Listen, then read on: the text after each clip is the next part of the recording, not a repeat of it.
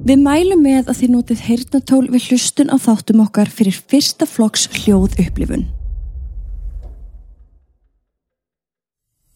Þúsundir Íslendinga verða árlega fyrir aðkasti vegna atbyrða sem ekki eiga sér eðlilegar skýringar.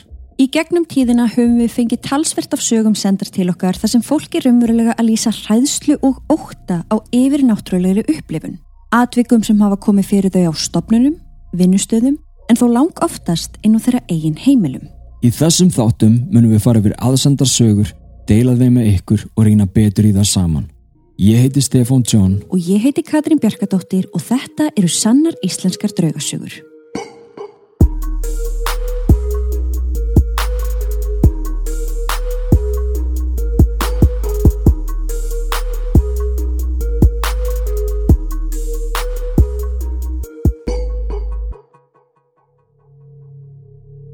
Við viljum minna á að draugasögurnar okkar eru ekki við hæfi barna nema með leifi fullorðina. Og með því hefjum við sögu dagsins.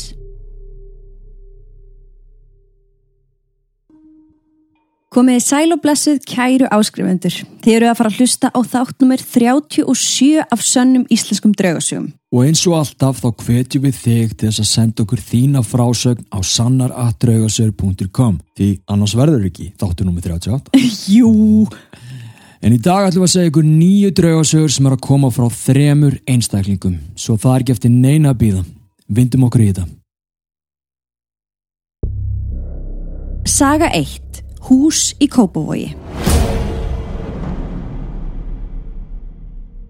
Fyrsta sagan kemur frá konu og hún ætlar að segja okkur eina frásögn um atvik sem að gerist í einbýlishúsi í Kópavogi. Sælveriðið. Ég með sögu af því sem ég upplifði þegar ég var um 12 til 14 ára. Fóreldra mínir keiftu einbýlishús í Kópavogi.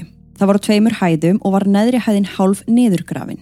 Á neðri hæðinni voru þrjú svefnherbergi, klósett, skrifstofa, geimsla og þvottahús.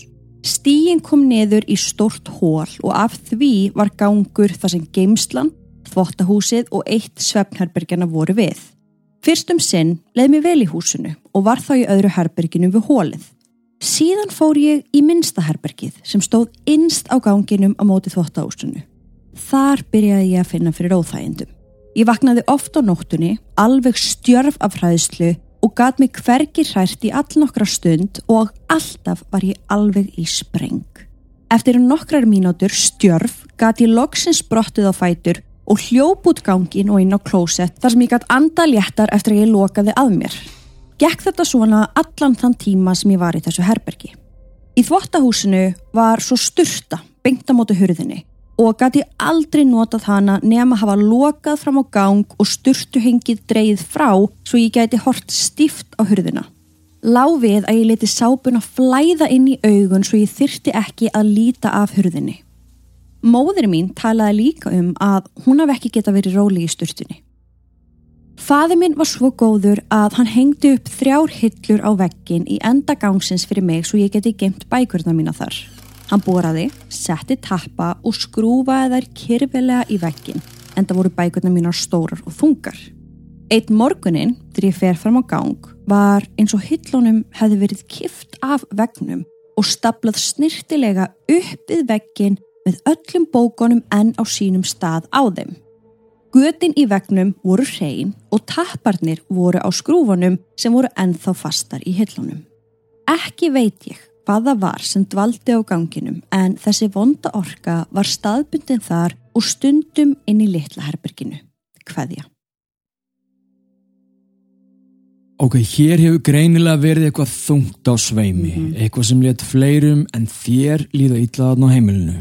Og það er svolítið áhugavert hvernig þú talar um að fundi fyrir þessari breytingu þegar þú skiptir um herbergi. Pínu svona eins og hafi mögulega vakið eitthvað upp þar. Já og að lenda í þessu að vakna svona hrætt og stjörf og sprett úr rúminu, það er hræðilegt að heyra. Ó já. Sko, það hefur eitthvað að verið að bögga þig, en það er spurning samt sem áður hvað það ætli að hafa verið, sko. Algjörlega og ég hugsa svona líka þetta með að vera í sturtunni eða vera að gera einhverja hluti sem eru svona prívat hlutir. Mm Maður hefur oft séð ef þið hafa verið að horfa á til dæmis eins og Dead Files eða að Já. þætti þar sem að fólki líður ítla við að afklæðast eða Já. eitthvað svoleiðis já, og það eru til þessar típur af öndum. Bara einhverju perradraugar. Sem eru, þú veist, ég veit ekki eins og hvort þeir sé að gera það í þeim tilgangi en Nei, það sem nei. þeir eru að gera er að þeir eru að ráðast inn á okkar persónlega svæði þegar við erum í óþægilegum aðstæðum skilur, Já, já, við, erum, já. við erum varnarlaus einhvern já, veginn svolítið berskil já, já, Það merkilegasta að okkar maður er auðvitað þetta með hilluna. Já. Þú veist hvernig fjandanum datt hún niður. Eða ekki eins og niður datt, hún var bara bókstaflega tekin niður, jábel.